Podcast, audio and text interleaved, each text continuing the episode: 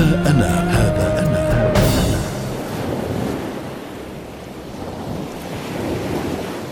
جنوى إيطاليا عام 1451 إننا في آخر يوم من شهر أكتوبر.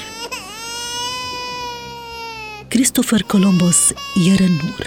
تمر الأيام ويكبر كريستوفر. إنه يدرس الرياضيات والعلوم الطبيعية والفلك. يرتاد كريستوفر المراهق البحر بشكل كبير. هو الآن يبلغ من العمر عشرين عاما. إنه يشد الرحال إلى البرتغال قبل أن يتجه في وقت لاحق إلى إسبانيا.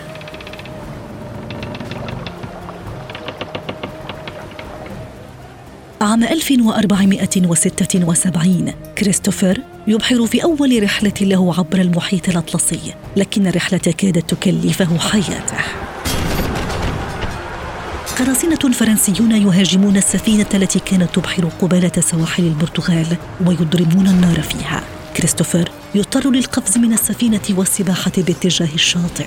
لقد وصل البرتغال التي استقر فيها لاحقا بعدما تزوج من سيدة تدعى فيليبا والتي أنجبت له ابنا يدعى دييغو. لم يمر وقت طويل حتى فجع كريستوفر بوفاة زوجته.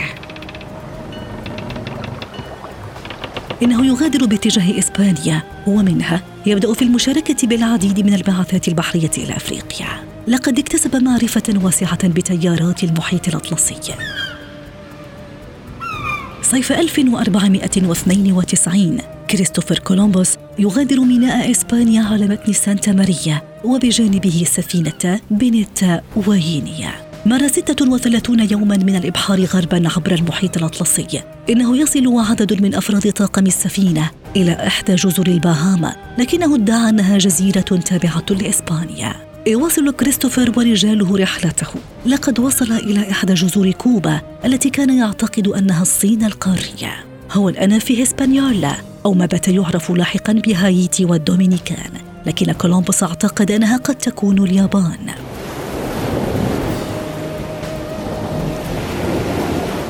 إننا في عام 1493 كريستوفر كولومبوس يعود إلى إسبانيا التي استقبل فيها استقبالا حارا والتي كان ملكها قد أصدر قرارا يقضي بمنح كولومبوس رتبة أمير البحار والمحيطات ومنحه ما نسبته عشرة في المئة من الذهب والبضائع التي يحضرها معه في رحلاته بدون ضرائب.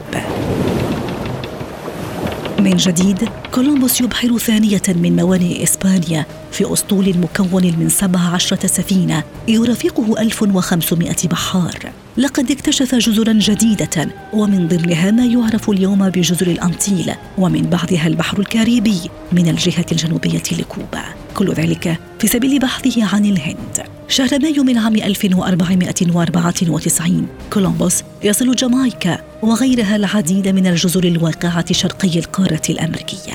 إنه بذلك يصل إلى أهم الاكتشافات وأهم الطرق البحرية الجديدة ويضع خرائط ورسومات مهمة. لقد وصل إلى أمريكا. هو الآن يستكشفها لكنه ما زال جازما بأنه وطأ الهند. لكن اعتقاد اكتشاف كولومبوس للعالم الجديد دحضه بعض العلماء والمستكشفين الذين ذهبوا أن شخصا آخر يدعى أمريكو فيسبوتشي هو من اكتشفه وإليه نسب اسم أمريكا.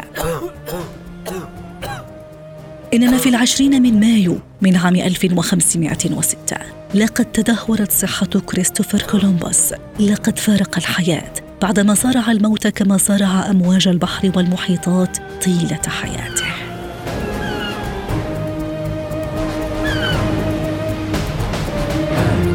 هذا أنا.